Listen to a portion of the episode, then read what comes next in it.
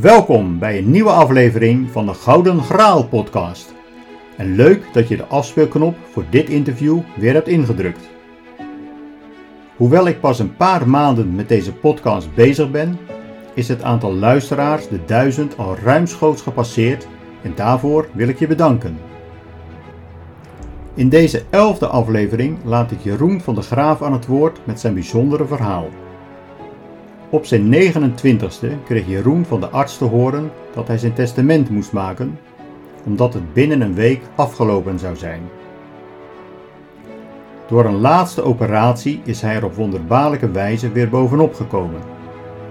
Echter wel met de verwachting dat hij nooit meer zou kunnen lopen. De doktoren kregen gelukkig ongelijk en met heel veel wilskracht wist hij uit de rolstoel te blijven. Na zijn revalidatietraject startte Jeroen samen met zijn vrouw Cynthia het bedrijf System U, dat door middel van een vitaliteitsscan meer uit organisaties en medewerkers kan halen en burn-outs in een vroeg stadium kan voorkomen. Daarnaast deelt hij in dit interview zijn positieve inzichten over geluk, keuzes maken en hoe je het beste uit jezelf kunt halen. Voor je kunt luisteren naar het complete interview, eerst twee fragmenten. In de eerste vertelt Jeroen over zijn meest heftige periode tijdens zijn ziekte. En in het tweede fragment zet hij je op het verkeerde been door anders tegen de staatsloterijprijs aan te kijken. Tot slot de opmerking dat er net als de naam Jan Jansen ook meerdere mensen Maarten van Rossum heten.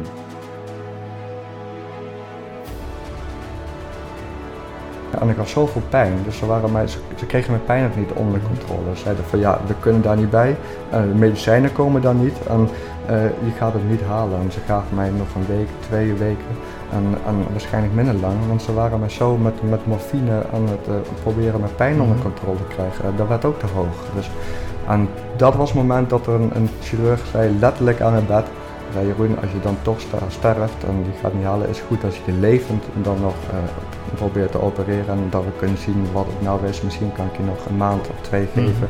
En dat, dat was het, ja. En, en toen moest ik afscheid nemen, want ik wil je geen eens slagingspercentage van de operatie vertellen. En dat, dat was het moment waarop ik een noodtestament moest gaan opmaken en afscheid nemen. En eerlijk gezegd, ik voelde het ook.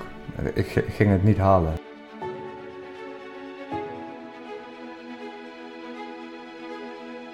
Want uh, als we op pad zijn naar iets, uh, om iets te bereiken, dan doen we dat door onze kenniskunde en de mogelijkheden die we hebben aanspreken. En dan is een staatsloterij is, uh, kunnen we zien als iets wat we graag zouden willen. Maar eigenlijk is het niets anders als een, als een onverwachte gebeurtenis die je hebt. Dus de impact van een onverwachte gebeurtenis, en ook al bestempelen we hem hierin als positief, hoeft niet positief te zijn voor je geluk. Het kan zelfs een ondermijning zijn.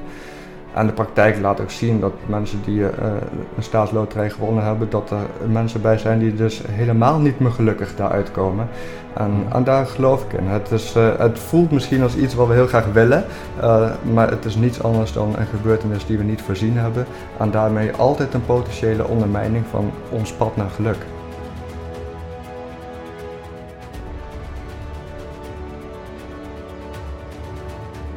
I feel like a lion. I'm so strong. Bring me the legacy. I'm so fun.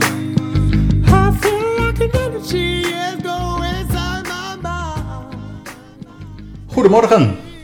We zijn deze keer neergestreken met de, de twee microfoons die operationeel voor onze neus staan in Arnhem. We zitten bij Jeroen van der Graaf in de woonkamer.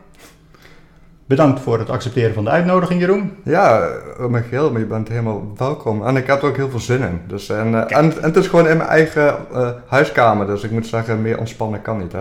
Je bent echt een thuiswedstrijd, heb je. Uh, ja, ja, zeker. ja. dat, nou, het voelt voor mij niet als een uitwedstrijd. Dus ik denk gewoon dat het een heel leuk gesprek gaat, gaat worden. Je hebt in je, in je 36 jaar, of ben je ondertussen al 37? Nee, ik ben nog steeds... Nog steeds 36? ja. Oké. Heb je al heel wat, uh, wat meegemaakt? Nou, daar gaan we zo uh, nog dieper op, uh, op door.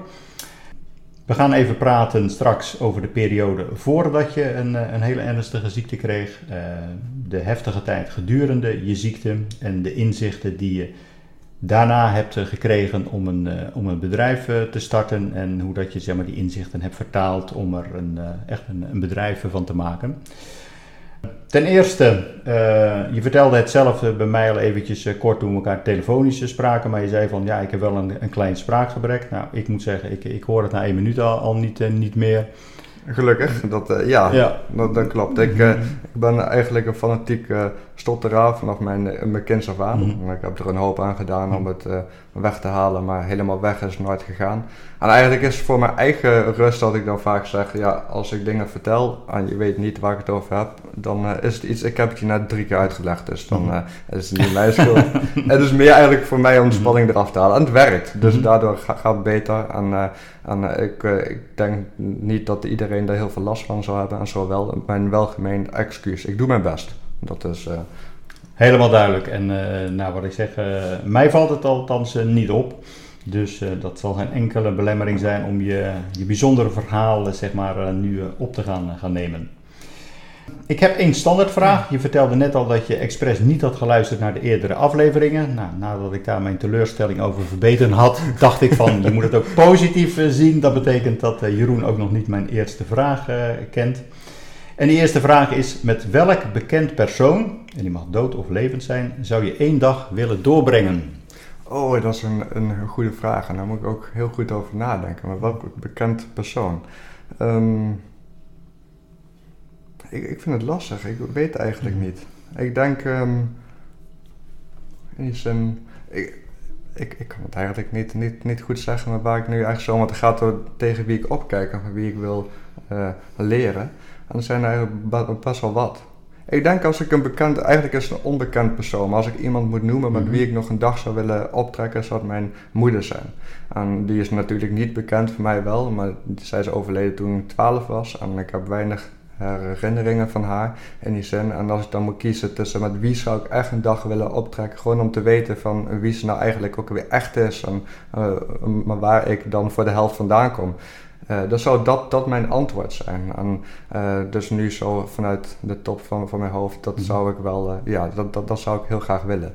Dus ik hoop dat het een beetje in de vraag zit, anders dan wordt het een moeilijk antwoord geven. Maar nee dat, hoor, dat kwam is toch heel goed. En het eerste wat in je opkomt, daar, daar zijn we eigenlijk naar, naar op zoek. Dus een, een heel eerlijk antwoord.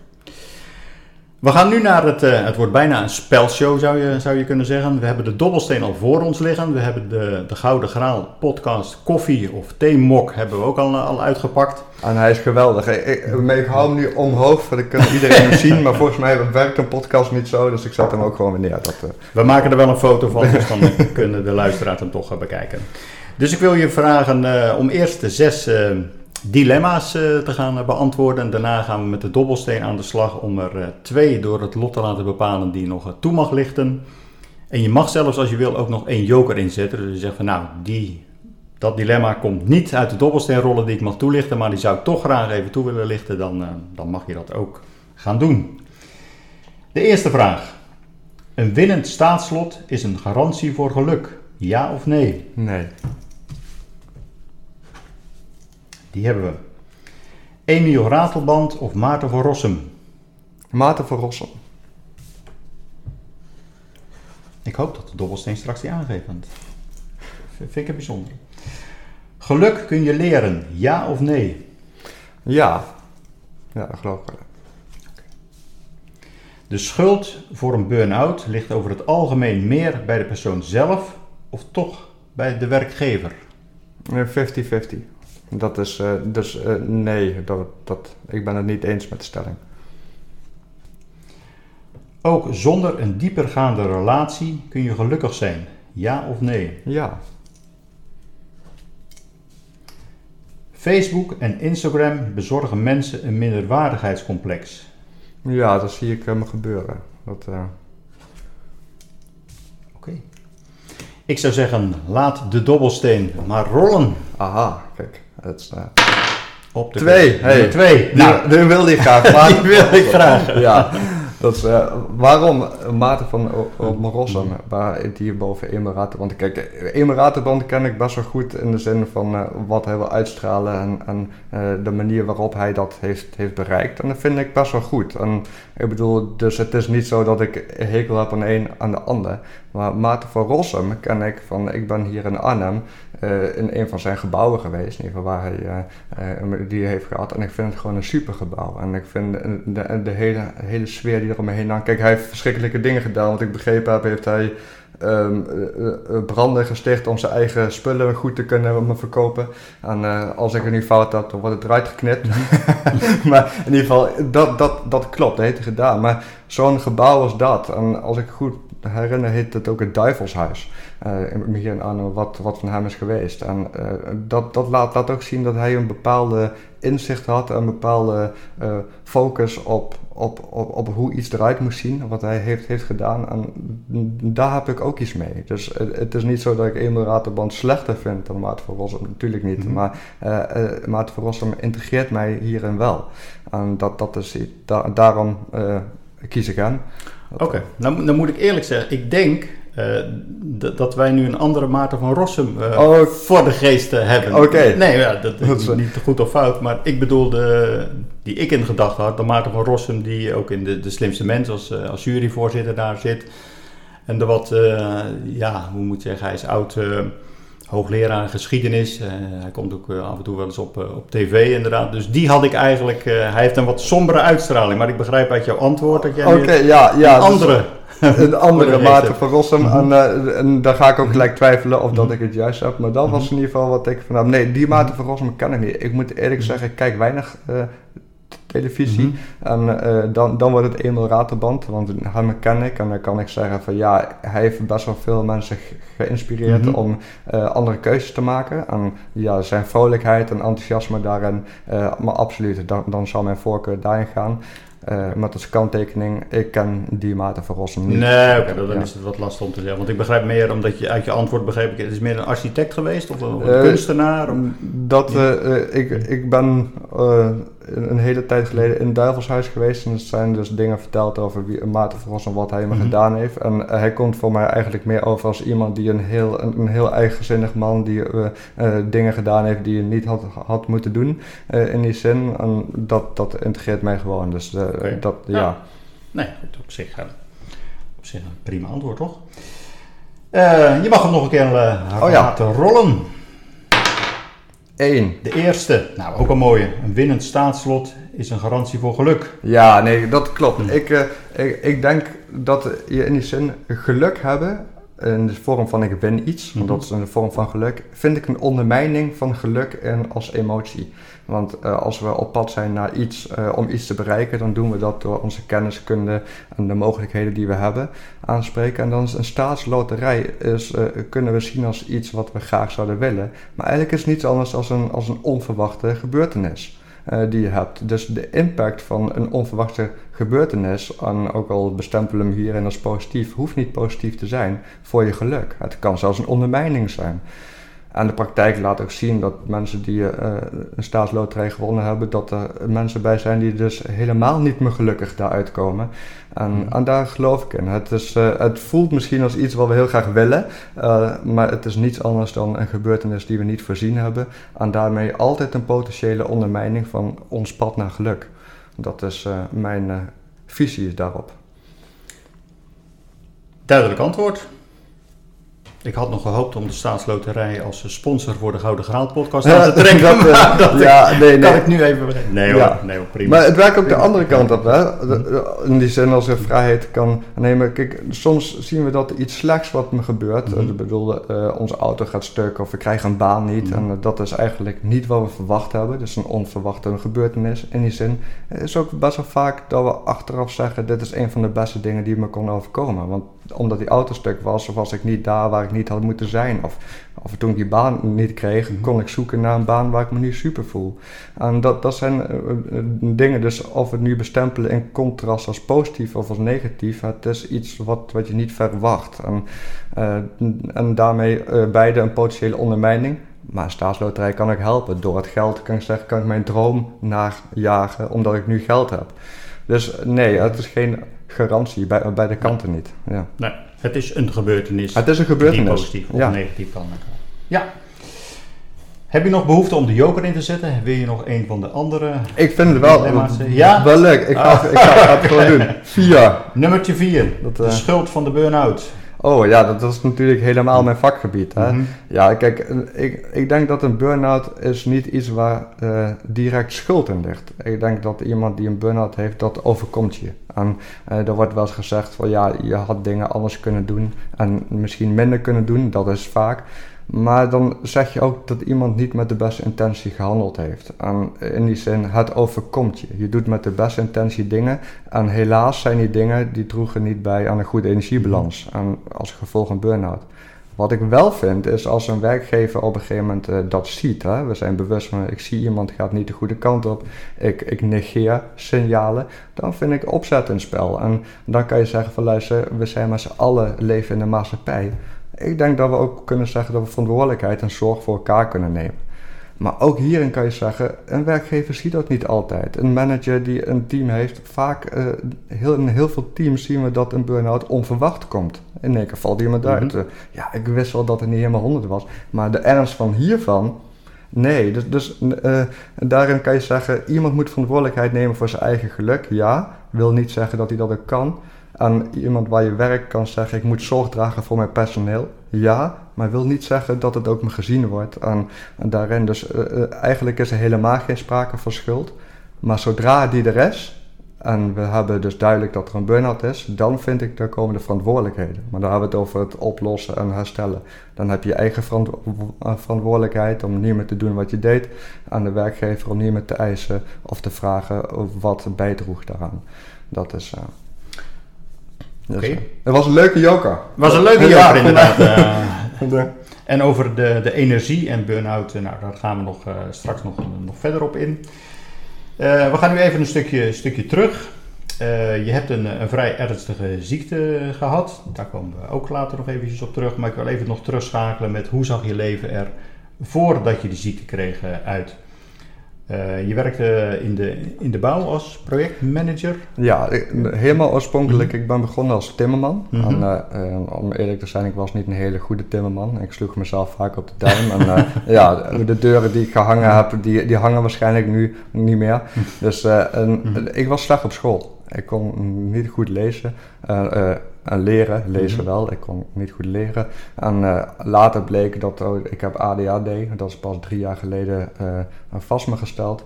En dus mijn hele leven was rommelig. Ik ging avondschool doen zo snel als ik kon, want mijn concentratieboog was die van een knaagdier. En, dat, uh, en uiteindelijk heb ik mijn MBO, HBO en dan ben ik begonnen aan de universiteit. En in de tussentijd heb ik echt gewoon kansen gepakt. En ik heb gezegd, ik wilde uit de bouw, ik wilde naar kantoor toe. Mhm. En dat heb ik gesolliciteerd. Ik heb al 50 mijn eruit gedaan. Uiteindelijk werd ik aangenomen als, als, als opzichter mutatieonderhoud, heet dat. Als mensen verhuizen of als er klachten zijn.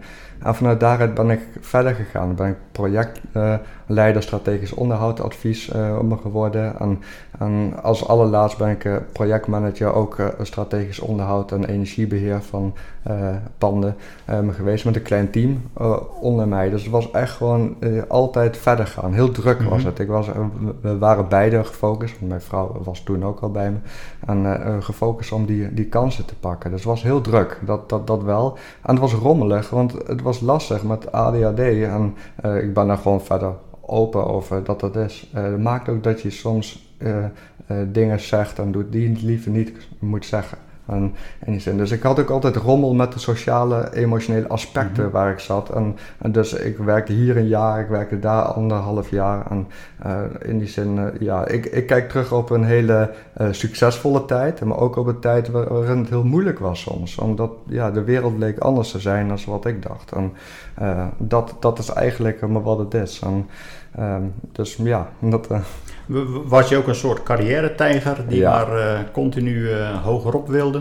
Ja, ik, ik had constant het gevoel dat ik niet het uiterste uit mezelf aan het halen was. En als ik de gedachte kreeg dat het, dat het kon was ergens, dan ging ik dus inderdaad die 50 sollicitaties af, ging ik uh, avondscholing mm. doen en gewoon kijken van waar is dat? En ik was daar gewoon 24-7 mee bezig om mezelf compleet te gaan mm. voelen in dat proces. En dat is best wel een impact, want ja, als je daar zoveel mee bezig bent, merk je ook eigenlijk, en helemaal nu achteraf, dat je ook nooit tevreden bent. Dus uh, in die zin, ik kijk terug op een succesvolle tijd, maar gedreven door onvrede. Heb je ook wel eens in die periode achteraf gezien wel, dat je denkt van nou, ik heb wel waarschuwingslampjes genegeerd eigenlijk? Oh ja, zeker. Ja, ja maar absoluut. En uh, dan praten we vooral uh, over, over de tijd dat, laten we zeggen, een jaar voordat die ziekte begon, mm heb, heb ik echt al wel wa mijn waarschuwing gehad dat, dat mijn lichaam zei van Jeroen, je bent dingen aan het mhm. doen die je beter niet kan doen. En dat was achteraf, want als, ik moet eerlijk zeggen, als ik op dat moment begrepen had wat mijn proces zou worden, ah, dan had ik het niet gedaan mhm. natuurlijk. Maar, maar ja, zeker. Of, of dat ik bijvoorbeeld, ik, ik weet nog goed, ik kreeg ergens een contractverlenging. En ik was gewoon teleurgesteld. En ik weet nog dat ik thuis kwam en zei ik ben teleurgesteld dat ik contractverlenging kreeg. Maar je moet toch dat is vreemd. Zou blij moeten ja. zijn. Ja. En, en dat was echt niet zo omdat ik daar niet graag werkte of dat ik geen uitdaging mhm. had. Het voelde alsof het te veel was. En, en dat was wel een van de tekenen die nu nog in mijn geheugen staat. Waarvan ik nu al denk, als ik dat gevoel mhm. krijg, dan weet ik, dan moet ik weglopen. Hoe mooi en hoe leuk ik het ook vind. Dat, dat, dat, dat weet ik nog goed. Dat ik gewoon teleurgesteld was dat mensen blij waren en dat ik gewoon verder kon werken. Daar, dat, is, ja, dat was een van de dingen. En, en ik weet nog goed dat ik een tijd had vreemde dromen. En dat is ook iets wat ik hoor. Ik droomde iedere keer over hetzelfde, dat het niet goed ging. En uh, en achteraf denk ik, ja, dat was gewoon een, zin, ja, of, ja, een, ja. onderbewuste wil zeggen, Jeroen, doe gewoon. En, uh, want ik wil op een gegeven moment ook nog zelfs een eigen bedrijf naast gewoon de, meer dan 40 uur werk in de week, ook mhm. nog een eigen bedrijf opzetten. En uh, nu zou, zou ik dat geen eens meer kunnen hoor, daar gaat het niet om, mhm. maar ik, ik, ik, ik, raad het af. niet, niet iedereen moet dat doen. Mhm. dat, ja. Oké, nou toen weet je zeg maar met, met, met harde hand in de realiteit weer, weer teruggezet door, je, door, door je ziekte. Uh, kan je misschien in, in het kort vertellen uh, hoe de ziekte zich, zich openbaarde en hoe dat je... Ja, ja, dat kan wel. Er was een tijd en op een gegeven moment uh, zat ik natuurlijk, of natuurlijk kwam ik weer in een emotioneel moeilijke periode terecht waarin ik mijn plaats als Jeroen zijnde binnen een organisatie niet, niet goed kon handhaven. En dat klinkt allemaal erg, maar ik had er last van, want ik wilde het goed doen en het leek niet te lukken. En in die tijd begon ik last te krijgen van mijn handen, met mijn tinteling. En in eerste instantie zei de huisarts, want ik ging mee naar de huisarts, zei van ja, Jeroen, je hebt stress. En ja, dat klopt ook, daar heb mhm. ik ook wel. Alleen ik weet nog wel dat ik s'nachts wakker werd en gewoon van een op de andere moment voelde ik mijn benen niet meer.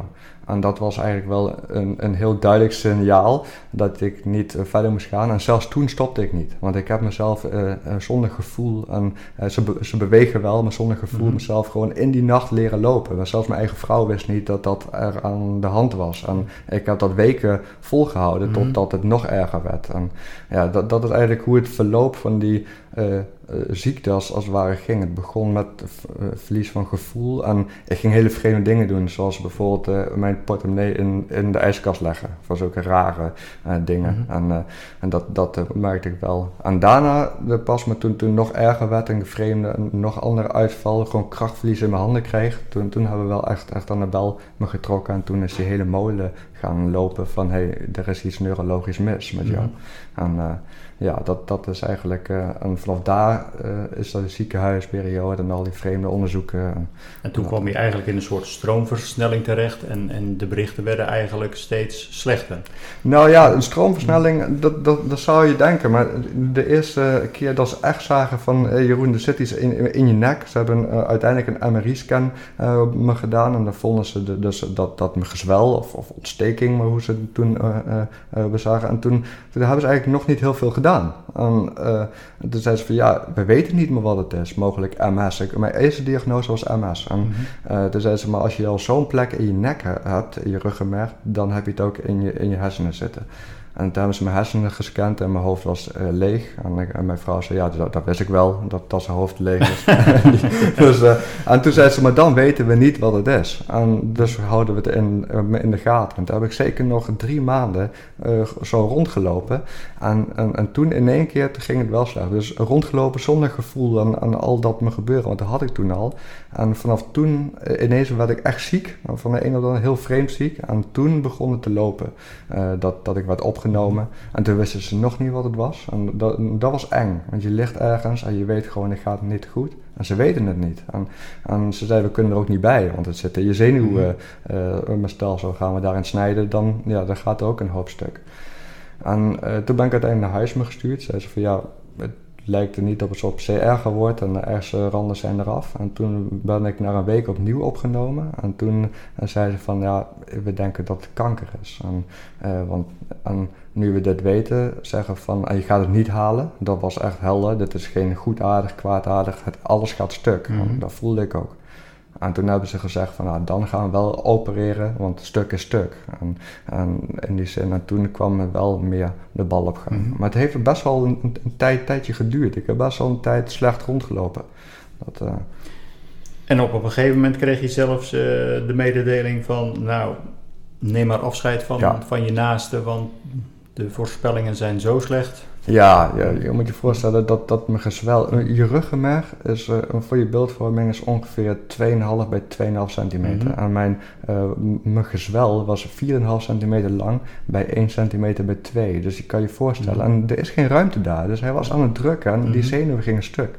Mijn ademhaling was sneller, of uh, wat slechter. En al die uh, uh, dingen. En ik had zoveel pijn. Dus ze, waren mij, ze, ze kregen mijn pijn ook niet onder mhm. controle. Ze zeiden van ja, we kunnen daar niet bij. de medicijnen komen daar niet. En je gaat het niet halen. En ze gaven mij nog een week, twee weken. En, en waarschijnlijk minder lang. Want ze waren mij zo met, met morfine aan het proberen mijn pijn onder mhm. controle te krijgen. Dat werd ook te hoog. Dus, en dat was het moment dat er een, een chirurg zei, letterlijk aan mijn bed zei Jeroen, als je dan toch sterft en die gaat niet halen, is het goed als je levend dan nog uh, probeert te opereren en dat we kunnen zien wat het nou is. Misschien kan ik je nog een maand of twee mhm. geven. En dat, dat was het, ja. En, en toen moest ik afscheid nemen, zei, want ik wil je geen eens een slagingspercentage van de operatie vertellen.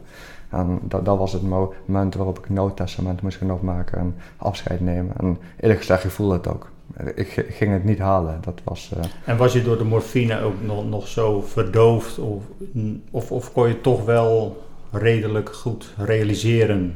Uh, ja, ik ben iemand die graag grappen maakt en mhm. humor. En, en zo was het ook, ook, daar. En in die, in, die, in die aanloopperiode van was ik inderdaad... Uh, ik weet nog best wel veel ervan. Dus, dus zo erg was het mhm. niet. Maar ik weet wel dat, dat, dat, ik, dat ik een hoop grappen heb, heb gemaakt daar.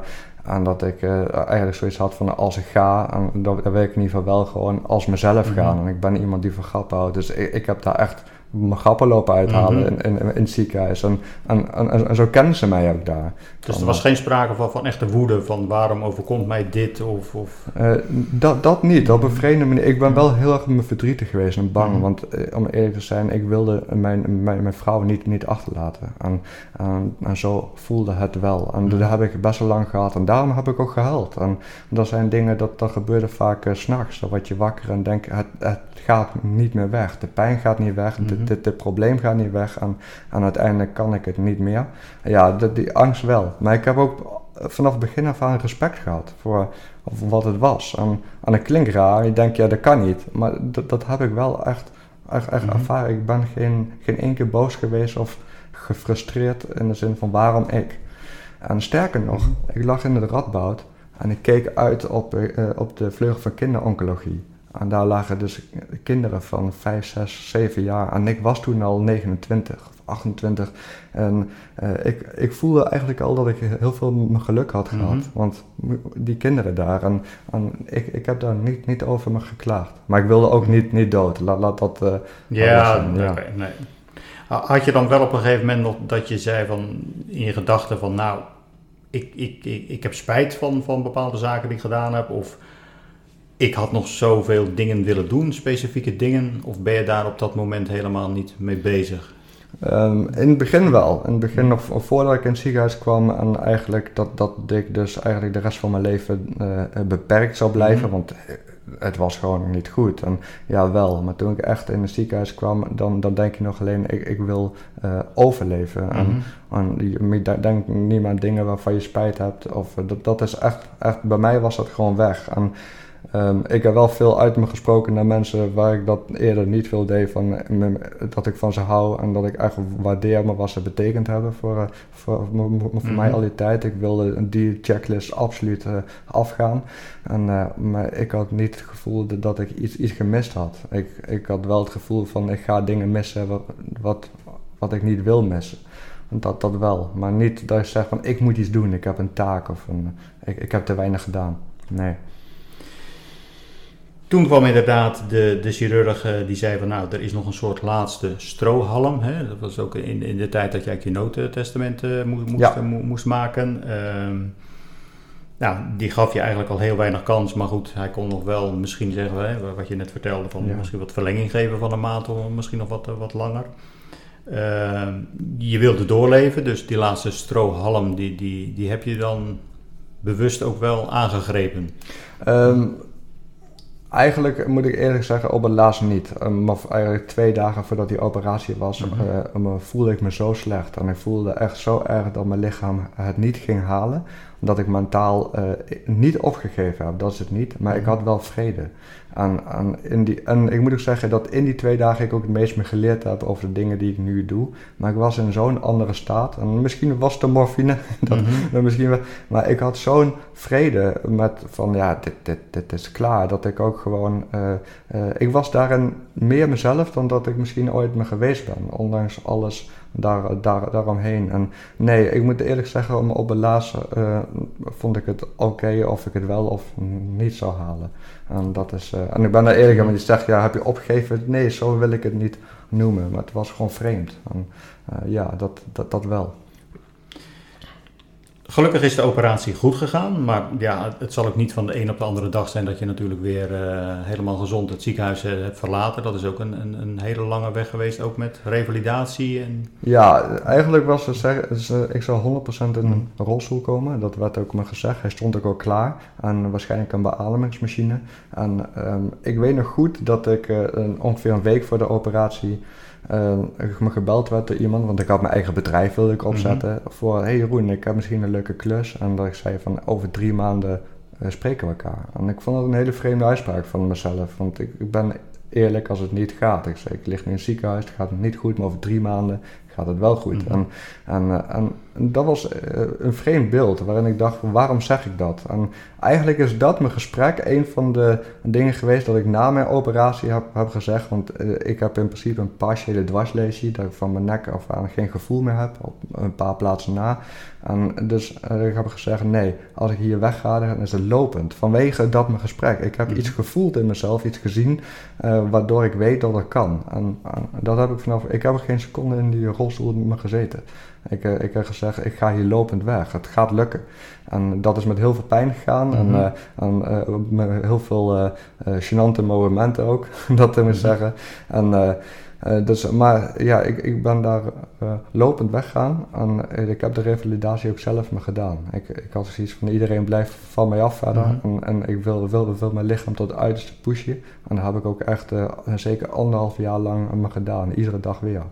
Dus de wilskracht die, eh, die was wel zeer nadrukkelijk aanwezig. Ja, ja, ja dat mhm. klopt. Ja, dat mhm. is, en ik ben daar iedere dag ook nog uh, heel van bewust. Want ik mhm. zit er een millimeter vanaf van wel in die rolstoel. Dus ik ben ook heel erg zuinig van... ik moet kunnen lopen. En ik moet, mijn lichaam moet sterk zijn en fit. En, en in die zin, en daar heb ik vanaf daar met me gedaan. Van ik moet het koesteren, want het lukt. En, en zeiden, als je kan lopen, kan je niet meer hard lopen. Ik heb vanochtend nog, nog, nog bijna 10 kilometer hard gelopen. Dus uh, ja, ik, ik heb gezegd, het gaat wel me gebeuren. En voor de mensen als ze afvragen, ik heb het mijn gesprek na die drie maanden niet gehad. Want ik wil het bedrijf niet meer verder zetten. Mm -hmm. dus, uh, maar uh, ik had het kunnen doen. Het was drie ja. maanden na de operatie had ik uh, een, dat mijn gesprek voor een opdracht me kunnen hebben. Ook had ik hem nooit kunnen uit uh, voeren, die mhm. opdracht. Maar uh, ja, dat klopt. Dus ik voelde iets voor die tijd dat, dat ik eruit zou komen. Ondanks dat ze gegarandeerd je komt in een rolstoel. Dat, Heel bijzonder toch, hè? dat je ja. inderdaad dan door, door zoiets te zeggen, dat je jezelf dan ja, ook wel op een positieve manier onder druk zet eigenlijk. Inderdaad, ja. van hoe dat het ook gaat, maar over drie maanden, ja. dan moet ik zorgen dat ik er weer, weer ben. Ja, ja. ja dat, en dat, dat ik kon. En, en, en het is ook gewoon helemaal gelukt. En het is nog altijd zwaar hoor. Want het doet, doet allemaal pijn. De pijnen die gaan nooit, nooit weg. En, en de ziekte ook niet. Ik ben, ik ben in, in principe gewoon uh, uh, chronisch ziek. Ik heb neurosarcoïdose. En het kan lang stil liggen, maar het kan ook binnen een maand gewoon opvlammen. Ja. En dat, dat uh, ja, en het zit op een plaats waar ik gewoon geen schade meer kan leiden. Nee. En je, je energiehuishouding, zeg maar, die is er ook wel wat onder druk door komen te staan, toch? Hè? Ja, ja dat, dat maar absoluut. En, ik, ik ben altijd moe. En, mm en, en, ik kan, in die zin is mijn batterij, zoals ik dat noem, stuk. En waar, laat me zeggen, een gewoon persoon, laten we zeggen 100% heb, dan kan je vergelijken dat ik nog maar 5% heb. En dat, dat, dat is echt zwaar. En, mm en in principe uh, kan je het best vergelijken van hoe dat voelt, alsof ik uh, altijd in een burn-out zit. Iedere beslissing die ik maak mm -hmm. die mhm. niet past bij die 5% energie, betaal ik met de prijs. En, en dat is echt gewoon huilen aan, aan de keukentafel, mm -hmm. omdat ik een afspraak gehad heb die ik niet had moeten doen. En dat is, uh, ik ben echt, echt altijd heel, erg moe. En dat noemen ze dan ook uh, chronisch vermoeidheidssyndroom en al die dingen. En ik heb ook altijd pijn, wat je ook weer moe maakt. En, mm -hmm. en die zei, nee, dat, dat is iets maar waar ik dus vanaf begin af aan het meest mee me geworsteld heb. Dat, uh, kan ik me goed voorstellen. Maar als ik hier nu zo tegenover je zit, ja, dan staat, zit er gewoon een, uh, een jonge, gezonde man als ik het zo zie inderdaad. Nou, ja. hè, bedoel, dan kan ik niet over jouw gevoel natuurlijk, dus het zal, ongetwijfeld zal het er, er zitten natuurlijk. Inderdaad. Maar het is wel bijzonder, hè? je vertelde je 10 kilometer hard gelopen inderdaad. Ja. Alleen iedere beslissing die je neemt, daar, daar denk je dus over na van, ja, wat doet dit met mijn energie? Ja, dat klopt. En je maakt denk ik scherpere keuzes ook daarin? Absoluut. Mm -hmm. Ik had de luxe niet om, mm -hmm. om, om een verkeerde beslissing te maken. En dat is eigenlijk mm -hmm. ook de grondslag geworden van alles wat we nu doen. Want in, in het begin ben ik heel erg bezig geweest van hoe kan ik mijn energie vergroten? Hoe kan ik van die 5%, 6% of 10% maken? Want ik, hoe meer ik kan, hoe meer geluk of hoe blij ik kan worden. Dus ik had heel erg uh, samenhangen van hoe meer ik kan, hoe meer kans ik heb om weer gelukkig te worden. En, en uh, maar totdat ik eigenlijk besefte dat dat niet zo was. En mijn batterij wordt niet beter. Mm. En uh, in die zin, maar ik merk wel wat ik met die 5% doe. bepaalt dat ik veel gelukkiger kan zijn dan wat ik voor die tijd met die 100% deed. En dat, dat is eigenlijk maar wat het is. Dus ja, ik zit tegenover je en dit is ingecalculeerd. Dit is mm -hmm. bewust me gedaan. En, en daarvoor kan ik hier 100% zitten met 5% energie. Ja. Dus ja, dat, is, uh, dat klopt. En dit, dit, is echt heel scherp zijn. Mm -hmm. dat, uh, ja, ja, met de keuze. Tijdens je ziekenhuisperiode, toen je toen weer aan het herstellen was, uh, toen las ik ook in, een, in een interview uh, toen heb je ook met je vrouw gesproken en dat je zeg maar ook weer, weer een nieuw doel hebt, hebt gesteld. En uiteindelijk is daar uh, System U uh, uitgekomen, een, een, bedrijf wat jullie samen hebben, hebben opgericht. Ja. wat ook erg veel te maken heeft met energie, burn-out. Ja. ja. Oh ja, nee, dat, ja, nee. dat, klopt. Ja, ik, ik, ik weet nog goed dat ik, ik, lag dus in het ziekenhuis en een van de dingen die me altijd gefascineerd hebben, waar ik, die mij gefascineerd had en waar ik niet veel mee gedaan heb, is dat ik, ik vond het heel interessant wat, wat mensen beweegt. En, mm -hmm. en, dat is iets wat meer mensen hebben. En, en ik, ik, begreep ook vaak als iemand iets doet, maar wat dat betekent voor een komende tijd. En, en ik besloot daar op dat, dat moment bijna als een, als een cliché, dat zei van mocht je uitkomen, dan stap ik uit de wereld van een bouwnijfheid. Mm -hmm. En dan ga ik gewoon meer die kant op. Met wat ik daar ook mee doe, maakt niet uit, maar ik wil meer daarmee doen. En, en die belofte die heb ik uh, mezelf en mijn vrouw me gemaakt. En dat is ook wat ik, wat ik ben gaan mm -hmm. doen. En in die periode daarna, ik, noem het, ik noem het zip-bestandjes. En ik, ik heb gewoon heel veel gekregen daar in het, in het ziekenhuis. En ik weet niet waar het vandaan komt, dat het in mij zit dat, of wat. Maar ik noem het zip-bestandjes en die pakken tot op de dag van vandaag nog steeds uit. En ik ben dat allemaal gaan uitschrijven op een onderwerp over wat is geluk. Wat is keuzes maken? Wat zijn mijn relaties? En, en wat betekent bewustzijn? Al die dingen, die, die, die, die onderwerpen met een hele andere kijk vaak, waarvan ik denk, dit heb ik gewoon nog nooit ergens gehoord. Uh, die heb ik eigenlijk me gebundeld en daar, uit dat concept, die gedachte is System U ontstaan mm -hmm. van hoe kan je nou het beste uit jezelf halen op een, op een manier uh, waar echt grip in te vinden is. En, dat hebben we eerst heel veel getest hoor. Al die, want er komen hele vreemde dingen uit van echt uh, radicale beslissingen maken. En ik heb wel gezegd, voordat ik dit überhaupt aan iemand ga me vertellen of ga overdragen, wil ik weten of het werkt. Dus uh, alles wat wij doen bij SystemU en alle adviezen die we geven, hebben we doorleefd. En hebben we me getest. En soms meerdere malen tot een extreme. Mm en, en, ik moet zeggen, ja, het werkt. En, en met die 5% zelfs, als het met mij 5% mm lukt om zulke prestaties neer te zetten en ik mezelf zo goed voel, uh, dan moet het iemand met een goede batterij moet het ook gewoon kunnen. En, en dat is eigenlijk het, het, het idee. Het concept, ja. ja. Want, want hoe moet ik het zeg maar iets concreter zien? Uh, toen jullie daarmee begonnen met System U en je kwam binnen bij, bij wat organisaties... Uh, Um, die begint met inventariseren. Ja, ja. uiteindelijk eh, hebben we een, een, al die kennis, laten we zeggen, waarin je logisch kan zien uh, wat iemands energiehuishouding mhm. voor die persoon betekent, hebben we in een, in een algoritme gegoten. En, en dat, dat, dat algoritme, dat, dat kan je energie meten. Dus het is als het ware voor je beeldvorming een, een online uh, vragenlijst die mhm. echt gericht is op, op je energiebalans. En vanuit daaruit weten we wat je wel kan doen, wat je niet zou moeten doen, en, en, en maar waar kansen liggen en mogelijkheden. Dus daar beginnen we mee. Als we een bedrijf binnenkomen, zeggen we meten van ieder individu uh, de energiebalans en samen maakt dat een, een teambalans. En dan weten we uh, waar het team staat, wat ze kunnen doen, waar ze energie verliezen en, en wat de beste mhm. opties zijn om daar iets, iets mee te doen. En, moet ik me dan voorstellen, als je zegt van energie verliezen, eh, kunnen dat bijvoorbeeld bepaalde handelingen, procedures eh, zijn binnen een organisatie die mensen energie kosten? Ja, ja dat is uh, in de praktische zin zien we bijvoorbeeld bij de organisaties waar professionals zijn, dat administratie kan een, een hele emotionele bottleneck mhm. zijn. Zelfs zo erg dat daar burn-outs door ontstaan. Maar dan kan je zeggen, ja, is het dan de administratie of de gedachte over de administratie en de hele dynamiek rondom die gedachte. En vooral dat laatste is, is wat, wat speelt. Vaak zijn het niet de praktische dingen die worden aangewezen, maar het idee dat iemand tekort wordt gedaan omdat de communicatie niet oké is. En dat is vooral wat we zien, wat we doorbreken. Die communicatie, dat uh, een professional weet, hey, alles is gedaan uh, om dit in goede banen te uh, leiden. En dan is het oké. Dus ik kan niet iets eisen wat niet kan. Dan kan ik het nog steeds niet leuk vinden, maar we hebben het niet over onvrede en burn-out. Uh, maar als het gevoel is van het interesseert niet en ze doen toch wat ze zelf willen, ja, dan voelt iemand zich uh, in dit specifieke geval heel erg uh, opgedrongen dat je moet doen. prestaties leiden eronder, kan ik niet over praten. En we zien dat dan mhm. werkdruk verhoogt. En, energie lekt dan soms bijvoorbeeld bij werkdruk. En dan gaat het over de communicatie, over administratie. En, uh, dus het is complex, maar dat halen we zo eruit. Maar zulke dingen, ja. Moet ik het ook een beetje zien dat mensen soms vraagtekens zetten bij de, de zingeving van bepaalde activiteiten in, in organisaties? Absoluut, ja. Mhm. Dat is, uh, ik bedoel, uh, we uiteindelijk komen ergens om te werken en, en daar willen we, uh, dan noemen ze nu purpose, een, een voldoening uithalen mhm. en een bijdrage.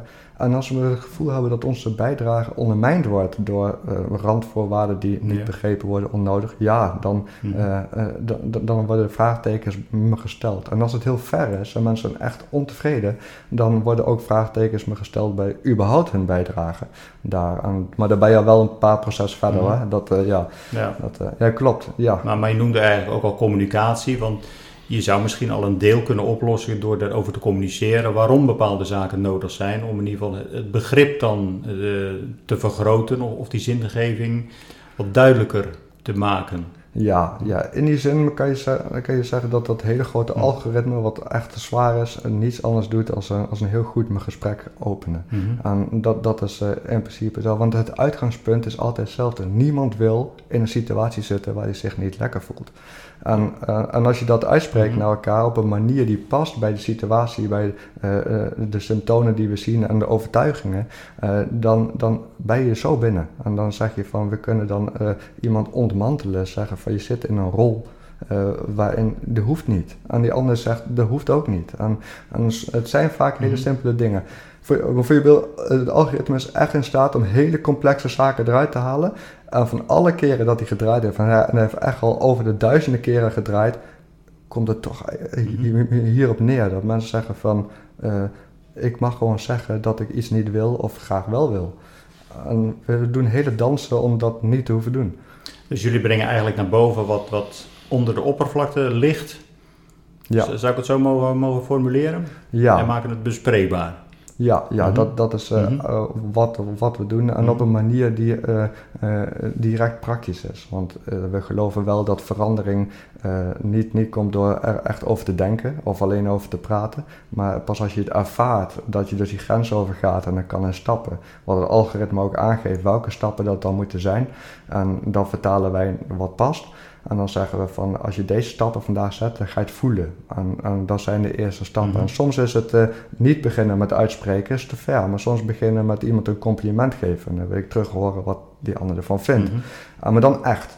En dat, dat maakt eigenlijk dat deze hele uh, concrete zaken die we altijd horen, als we die op een goede manier inzetten, op een goede volgorde, ah, dan, dan maak je een team echt gewoon, of een persoon zelf, super. Ja, ja. En daarom geniet ik ook van. Mhm. Ja, nee, dat, dat merk ik ook inderdaad. Eh, ik zie ogen ervan gaan stralen, dus dat ja, nee, dat, dat klopt. Goed, ja. goed, teken inderdaad. Moet je ook kunnen relativeren om beter met, met, met stress uh, en, en je energielevel om te kunnen gaan? Uh, wat, wat bedoel je met relativeren? Uh, de zaken ook, ook, ook in, in, verhouding kunnen bekijken en het soms ook ehm, kunnen bepalen van oké, ehm, ik moet het doen, maar eh, oké, als ik dat klusje dan weer gedaan heb, ik sta er eigenlijk niet heel voor 100% achter. Maar goed, het hoort nou eenmaal bij, bij, de, bij de baan, zeg maar. Dus ik, eh, ik, ik, ik doe het maar. Ja, ik vind dat uh, een, een, een, gevaarlijk iets in, in zin. In principe niet. Het is goed of het is niet goed. Mhm. En een van de dingen waar ik vaak uh, ook in mijn trajecten op stuur is... Ja, en dat is heel eng, want er zit een radicaal randje. Mm -hmm. Als zeg je, je moet dingen niet meer doen, moet je het nog geen seconde doen. Als ik vandaag weet wat, je, wat niet oké is, uh, waar je energie op verliest moet je het ook niet meer doen. En als de organisatie het wel van je eist? Uh, dan, uh, ik heb nog nooit gehad dat dat zo is. Want dat is mm een van de beeldvormingen die heerst van ze eisen het en dan ben ik, ben ik mijn baan kwijt. Mm En mijn eerste advies is ook, als het niet verandert, dan kan je beter weggaan. Want uiteindelijk houdt het dan toch op te bestaan. Maar dat is nooit. Dat, dat beeld eh, is nog nooit gebeurd. Dus die uitspraak in die zin, uh, ik kan alleen hypothetisch antwoorden, ja, dan moet je stoppen. Mhm. Dan vervroeg je het onvermijdelijke. En, uh, en, dat is een van de dingen die ons drijft. Hè? Van nee, ik kan dat niet, ik kan niet nee zeggen, want dan zitten daar hele negatieve consequenties aan. Relativeren kan als je een plan hebt, een groeiplan. En dan bedoel ik bijvoorbeeld van, jij weet, ik ben met iets bezig en ik ga erheen, maar daar horen deze taken bij, want door die taken bereik ik dat. Ja, dan mag je best wel dingen doen die niet passen. Mhm. Maar als je die dingen doet om iets te behouden, uh, dan, dan train je ongeluk. Dan moet je niet doen, in mijn ogen. Tevredenheid daarin is niet oké. Je, gaat geluk na en dan mag je echt dingen doen die leuk zijn, maar niet omdat ze erbij horen. Dat zijn hele gevaarlijke uitspraken, in mijn uh, belevenis. Zijn we soms in de westerse wereld bezig met een soort red race eh, in een soort doodlopende straat uh, ja. met elkaar? Ja, en, maar ik denk dat we dat alleen doen omdat een doodlopende straat uh, vertrouwd voelt. En dat we toch weten, die straat die loopt, loopt dood, mm maar ik ga hem in, want dan weet ik tenminste waar ik mee bezig ben. Ik denk dat we vooral bezig zijn met een, een, een race om uh, binnen kaders van schijnveiligheid toch dat mijn geluk te gaan zoeken van persoonlijke groei. En dat, dat is hard rennen. Dat, en, en, uiteindelijk haal je jezelf in. En, en dan ben je in die doodlopende uh, uh, straat terechtkomen. Maar die race zelf, dat verlangen naar meer, uh, ik vind het een heel gewoon iets. En we kunnen alleen anders vormgeven, absoluut. Kan iemand die zijn werk wel zinvol vindt ook een burn-out krijgen? Ja, zeker. En ik, ik meet ook best wel vaak dat dat een van de pijlers is. En uh, zinvol uh, kan meerdere betekenissen hebben. Maar laten we zeggen, zinvol is een goede bijdrage. Zinvol in de zin van een goede werksfeer. Uh, dan heb je ergens, ik ben op mijn plaats. Maar als je daar bijvoorbeeld helemaal geen groei vindt, en dat wat belangrijk is, ga je op een gegeven moment tegen jezelf zeggen: Ja, ik vind groei niet belangrijk, want ik heb een bijdrage wat oké is.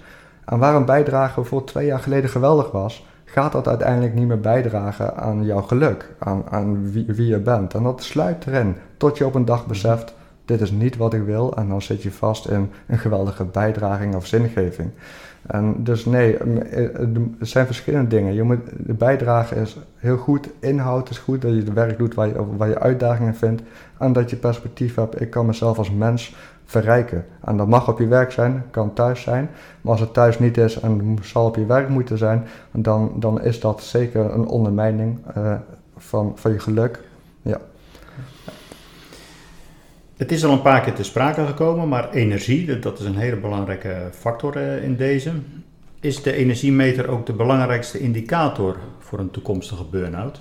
Ja, uh, ja, want uh, zonder energie geen, geen groei. Mm Al, alles uh, om ons heen draait om energie. Een boom groeit als hij energie heeft. En uh, dus zonder energie geen fundatie om hem te veranderen. En als energie laag is, is die behoefte per definitie, want je verliest energie op iets wat je niet kan behouden. Mm Dus een lage energie, het begint met energie meten. Niet dat energie meten dan ook alles is wat je moet doen, want mm -hmm. je moet ook weten wie verliest energie en wat past bij je. Maar allereerst, de eerste indicatie is of dat uh, het maakt niet uit wie je bent. Als je niet genoeg energie hebt, heb je een probleem. En, uh, dus als je wil weten of iemand oké is of niet, kijk naar zijn energie of haar energiebalans. En, en, dan weet je waar je moet beginnen of niet. Dus dat zal een belangrijke zijn in het algoritme. Ja, mijn algoritme, mm -hmm. de kern is energie uh, meten. En, uh, omdat, voor je beeldvorming, voor sommige mensen is energie daar een vaag. Mm -hmm. Nee, dit is niet vaag. Je staat s morgens op en je denkt en je doet dingen en je wordt s'avonds moe en je gaat naar bed. En de vraag is, hoe, wat haal je uit het denken en doen wat je doet? Wat is het rendement daarvan? Uiteindelijk uh, wil je ergens energie van krijgen. En als dat meer is wat je erin stopt, dan heb je een goed rendement. Ja. Dat is eigenlijk waar alles om draait, de mm -hmm. economie. En, en zo werkt het ook met energie. En het maakt dan niet uit of je 100% energie hebt op in te zetten of 5. Als je rendement beter is, uh, dan, dan ervaar je geluk. Dus, uh, en als je die ruimte niet hebt om die energie te kunnen inzetten, dan ontneem je jezelf de kans en, de mogelijkheid. En dan voel je. En dat is waar een burn-out zo begint intreden. Want weet je wat een burn-out daaraan doet? Die reset gewoon die mogelijkheid. Een burn-out, iemand die valt uit. Het is ervaren ook vaak heel veel rust op dat moment, als van uitval. En, uh, en eigenlijk uh, wordt alles gereset en krijg je de kans om die energiebalans opnieuw in te vullen. En, en met nieuwe voorwaarden, en uh, met nieuwe gedachten, want het heeft een, een, een bepalende invloed op wie je bent uiteindelijk, in mijn ogen. En dus ja, energiebalans is essentieel. Naast energie zijn er nog andere signalen die zeg maar, een gevaar van een toekomstige burn-out aangeven? Ja, kijk, de energiebalans in die zin die degradeert vaak onzichtbaar. Nu kunnen wij het goed meten. En mm. zelfs al op een punt nog voordat je überhaupt stress ervaart, kunnen wij al meten van je zit op een goed plaats of niet. Mm. Want uh, dat, dat is waar wij ook het liefst zijn. We, we vinden burn-out heel erg belangrijk om te behandelen. Maar als je iemand die heel goed in zijn vel zit, daar valt winst te halen. Want uiteindelijk wil je goed in je vel blijven zitten. Mm-hmm. En daar is de puzzel ook het moeilijkst, om eerlijk te zijn. Want hoe ga je iemand vertellen die het al goed doet, om dat te blijven vasthouden en te blijven groeien daarin. Uh, dus uh, wat tekenen zijn daarvan is, stel uh, je zit oké okay in je vel. En het tekenen daarvan zijn dat je, ik noem het vaak fladderen. Dus zeggen, ik heb best wel energie, ik wil dingen doen, maar, en ik weet niet wat, dus ik ga maar hele kleine praktische zaken doen. En uiteindelijk besef je dat je toch minder goed in je vel zit en dan begint die cyclus opnieuw. Ja, dat zijn dingen die zeggen, je verliest nog steeds ergens energie, dat je net niet genoeg hebt om die grote stap te maken. Dus als je onrustig voelt en je gaat dan maar kleine dingen doen, en ik weet zeker dat heel veel mensen zich hierin gaan uh, herkennen, niet doen. Pas als je het weet, dan ga je het doen. Niet doen om het doen. En dat is een name gevoel. En uh, andere tekenen zijn dat je merkt dat, dat mensen toch anders gaan me gedragen. Je zegt van hé, hey, waar ik normaal een goed gesprek had, of ik kan iemand goed uh, met me meekrijgen, ik voel het gewoon afstand. Ik kan niet mijn vinger erop leggen. Dat, je bent me gedegradeerd in je energie aan de persoon tegenover je voelt het. En, en dat is een, een natuurlijke reactie. Uh, dat je zegt van hé, hey, het klopt niet meer wat je zegt.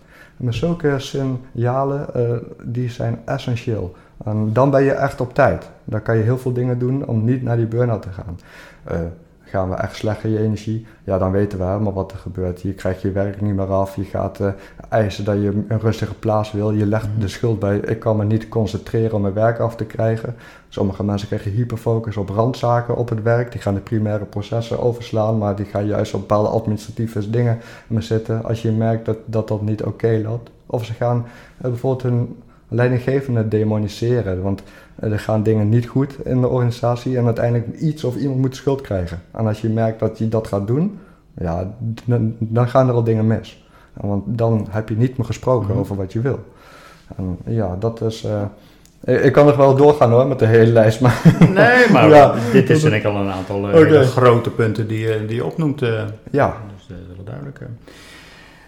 Nu hebben wij voor het eerst contact gekregen, toen was het nog voor de coronacrisis. nou ja, tijdens de coronacrisis toen hebben we wel contact gehouden, maar moesten we nog eventjes de, de opname zeg maar, voor ons uitschuiven.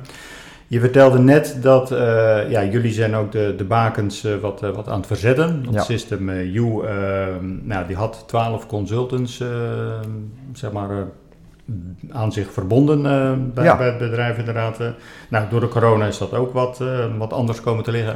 En jullie zijn nu bezig, en dan bedoel ik jullie, bedoel ik ook je vrouw erbij, met weer wat, wat wel dezelfde richting, maar toch weer wat nieuws te organiseren. Ja, de, de, de dienstverdeling die we eigenlijk nu uh, daarna hebben, dat we individuen uh, heel goed kunnen begeleiden, of de directeur is of, of niet, dat mhm. maakt dan niet uit. Aan teams daarin, en uiteindelijk ook organisaties. Maar dan uh, ben je nog steeds heel erg afhankelijk van het consult. Want zoals ik al zei, eigenlijk is wat we gebouwd hebben een super tool om een heel goed gesprek te openen, wat heel erg belangrijk is. Mhm. Maar dat is, je moet nog steeds wel een gesprek hebben met iemand.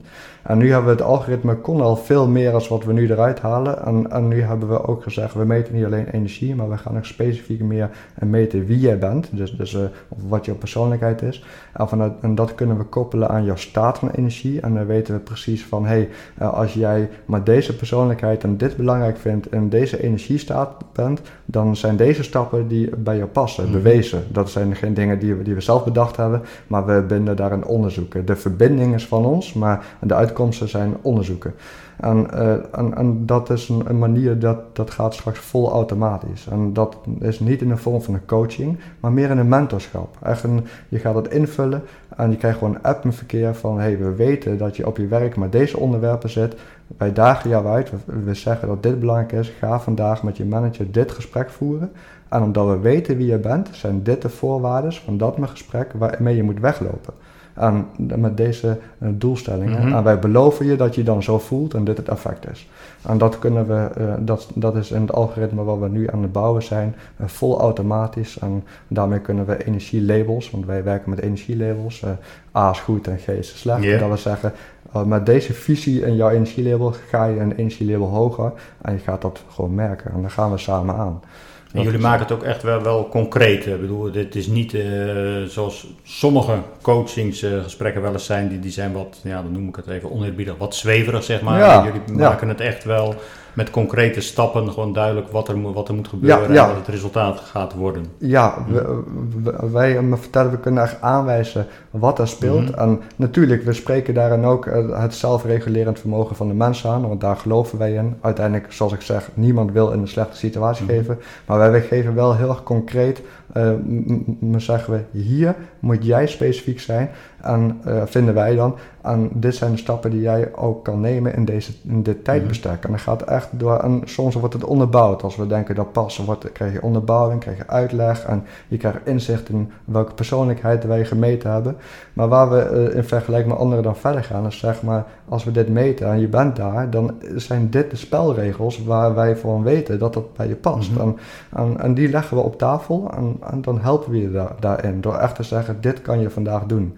Dus het is meer iets voor mensen die al zeggen, ik wil gewoon actie. Ik wil iets gaan doen. Mhm. En daarvoor noemen we het meer een vorm van mentorschap dan coaching. Dus we gaan niet naar het verleden kijken, we gaan kijken naar morgen. En wat ga jij gewoon doen nou, vandaag?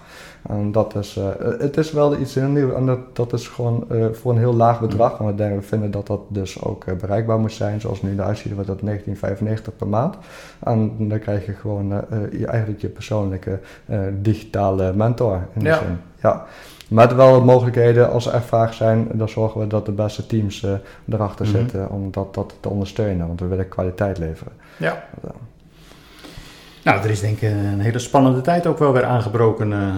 Ja, ja, ik moet voor zeggen... jullie hier, uh, toch? Ja, ja. ja zeker, zeker. En, en we, we, denken dat, dat, we hierin echt een, een verschil kunnen maken mhm. daarin. En, en, het is ook vanuit de overtuiging, want het gaat altijd goed. Uh, al onze projecten sluiten goed af en, en soms is het best wel heftig. Want ik bedoel, het team teamtrajecten die we gedaan hebben. Mensen zijn slim. En als je denkt gewoon binnen te komen als 1, 2, 3 en ik maak een team beter. Nee, je moet echt erin duiken. Er wordt een onderdeel van wie je bent. En, en als wat je uh, onderzoek doet, mhm. je gaat erin en je begrijpt wat het is en je laat je niet tegenhouden.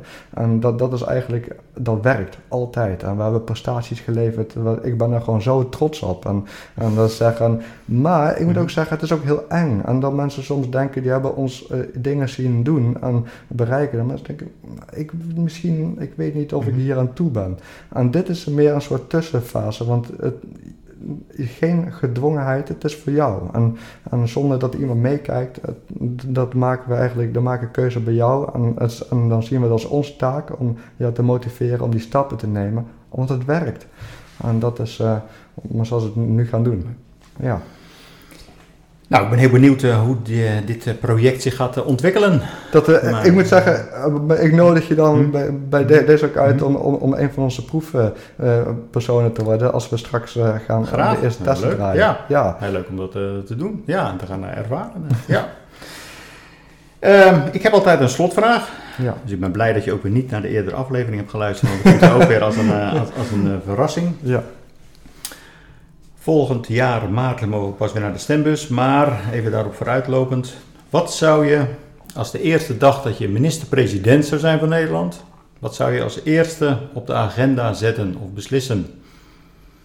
Ehm, ik vind het moeilijk om te zeggen. Want een van de dingen waarvan ik overtuigd ben is dat, dat de koppeling tussen daar, laat maar zeggen, zo noem ik het even, mm en, en hier uh, niet altijd is. Ik zou, uh, uh, een van de eerste beslissingen zou zijn dat ik een team zou willen om te kijken van hé, hey, wij hebben als een, een, een politieke groep hebben we keuzes gemaakt. Hoe kunnen we dat, dat motiveren? Hoe kunnen we die vertaalslag maken naar, naar mensen dat we, waarom wij denken dat het beste is en ook naar die feedback. Ik denk dat ik die interactie zou willen op zoeken van, van begrip. Waarom worden dingen besloten. En waarom is het moeilijk? Oh, want ik denk dat heel veel beslissingen worden gemaakt vanuit, ja, we proberen het beste van maken. En uiteindelijk is iedereen een beetje teleurgesteld of, en, eh, of een beetje heel erg. Mhm. En eh, hoe, hoe, kunnen we die teleurstellingen reguleren en, en welke, maar welke informatie en lessen kunnen we daaruit halen? Dat zou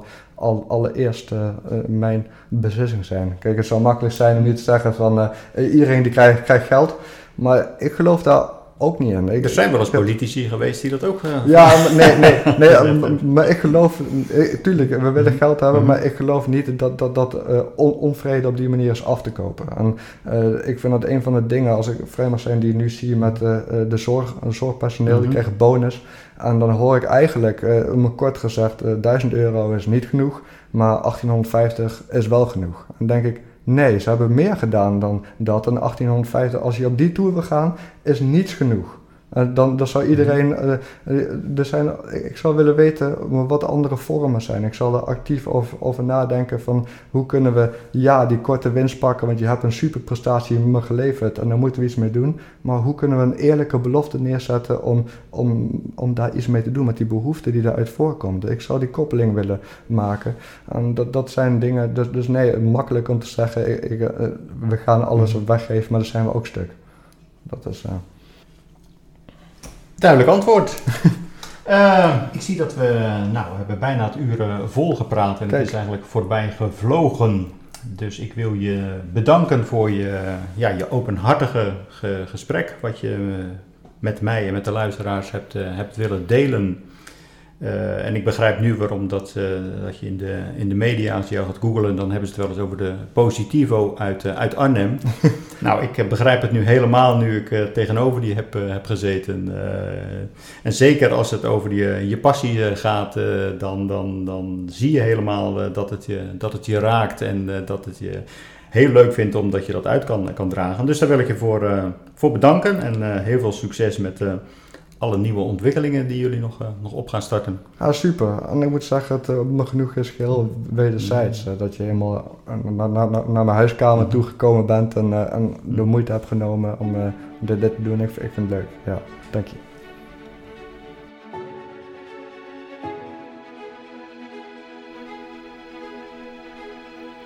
Tot zover het interview met Jeroen van der Graaf. Naast zijn inzichten over geluk en het belang van een goede energiebalans, heeft hij mij geraakt door zijn positieve instelling. Ieder mens heeft in zijn leven grote of kleine tegenslagen.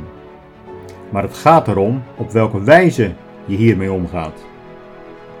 Jeroen is hierin een inspirator en ik ben blij dat ik hem als gast in de Gouden Graal podcast mocht spreken. Tot de volgende aflevering.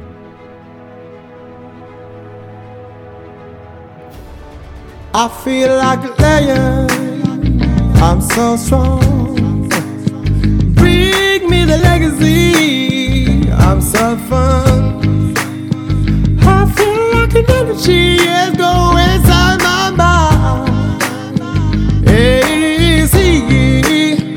I'm so fun. Come on, let me breathe.